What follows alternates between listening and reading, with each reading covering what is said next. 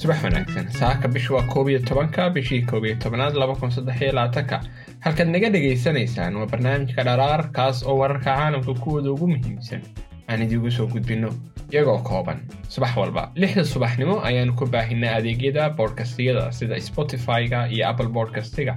youtube-ka iyo facebookana waxaanu ku baahinaa sideedda subaxnimo. Waxaa idiin soo jeedinaya warka aniga oo ismaaciil cali asad ah soo dhowaada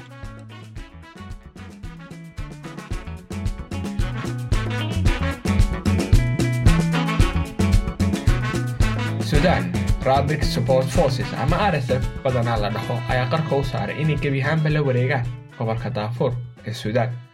sida ay khubaro badan sheegayaan waxay kaloo sheegayaan in gaboodfalo badan oo baaxad leh ay dhici karaan oo ciidamada qalabka sida ay dembiye dagaal xasuuqiyo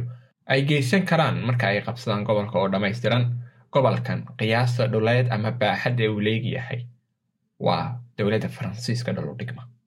halkaa waxaanu ka garan karnaa in dhulkani yahay ama gobolkani yahay gobol aad u weyn. Toddobaadkii hore rsf waxay ku jebisay ciidamada dowladda suudaan koonfurta galbeedka iyo bartamaha daafur waxayna hadda isku diyaarinayaan inay qabsato waqooyiga halkaas oo boqolaal kun oo barakacayaal ah magangelyo u noqotay intii dagaaladu dhinacyada kale ka socotay kumanaanka barakacayaasha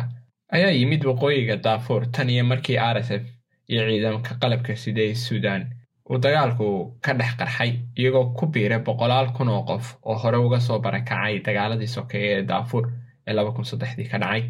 Dadku waxay qaxayaan iyagoo filaya colaad weyn. Qaarkood waxay qaxayaan ama u qaxayaan magaalooyin yaryar oo aan ammaan ahayn kuwo kalena waxay aadayaan buuraha ama liibiya. Sidaa waxaa yidhi bashiir cismaan oo la hadlay aljaziira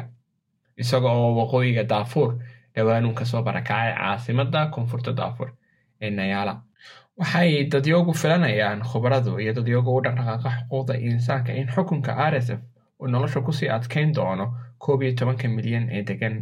daafur waxay sidoo kale ay sheegayaan khubaradu in iyagoo tixraacaya xakameyn la'aanta iyo rabitaan liida kooxda si ay u xakameeyaan ciidamadooda kuwaasoo billiqaysta dhammaan magaalooyinka tan iyo markii dagaalku bilaabmay. Waxay sidoo kale soo xiganayaan rsf taariikhdeeda dheer ee xadgudubyada xuquuqda aadanaha ee ka dhanka ah bulshooyinka aan carab tahayn ee daafuur degan kuwaas oo suudaan dhexdeeda lagu yaso ama lagu takooro. Cabdiraxiim dagaalo oo ah taliyaha labaad ee rsf ayaa ku booriyey dadka degan daafuur inay ku laabtaan guryahoodii kadib markii ciidamadu qabsadeen nayaala lixiylaatankii oktoobar dagaalo oo maraykanku ku soo rogay cunuqabateen una arkay inuu qeyb ka yahay xadgudubyada ibni aadamnimo ee laga geysanaya daafuur sidoo kale dagaala waa walaalka ka weyn madaxa rsf ama hogaamiyaha rsf maxamed xamdaan dagaalo oo loo yaqaan og yahay ximiti sidoo kale ximiti ayaa ugu baaqay booliska inay ilaaliyaan hantida shacabka iyo inay hogaamiyayaasha qabaa'ilka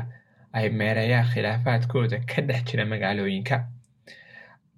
rsf run ahaantii gacmaheeda ayay ku qaadatay mas'uuliyadda dowladnimo ayuu yidhi suleymaan baldo oo ah aasaasaha daafurnimada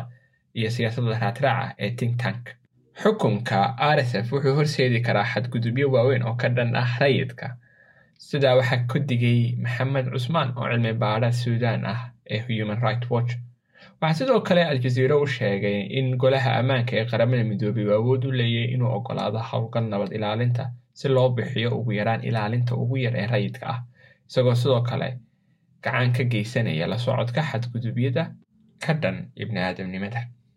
Rsf waxa ay horeba ugu lug lahayd caawinta iyo gacansiinta maleeshiyaadka isbahaystay iskuday isirsafaynta ee qabiilka masaayid ee aan carabta ahayn ee ka soo jeeda galbeedka daafur laguna dilay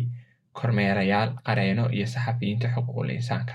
kormeerayaal maxalli ah ayaa sheegay in rsf iyo maleeshiyaadka isbahaysiga ay fuliyeen dilal wadareedyo tan iyo markii ay la wareegeen galbeedka daafuur oo gebi ahaanba gacantooda gashay afartii noofembar laba maalmoodun kadib markii rsf ay la wareegeen daafuur waxay markiiba dileen hogaamiyaha qabaa'ilka masalet maxamed arbaab waxayna sidoo kale aftuubteen lix wiil oo ay ka aftuubteen xerada barakaca aljaziira loo sheegay labadii noofembar xoghayaha arrimaha dibadda ee maraykanka antony blinken ayaa sheegay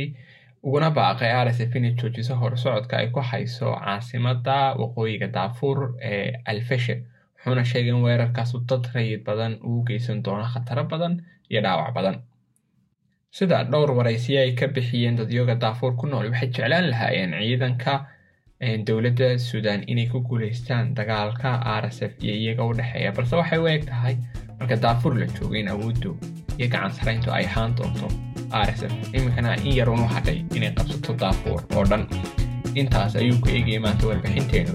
Maalin fiican oo qurux badan ayaan idin rajeynayna nabad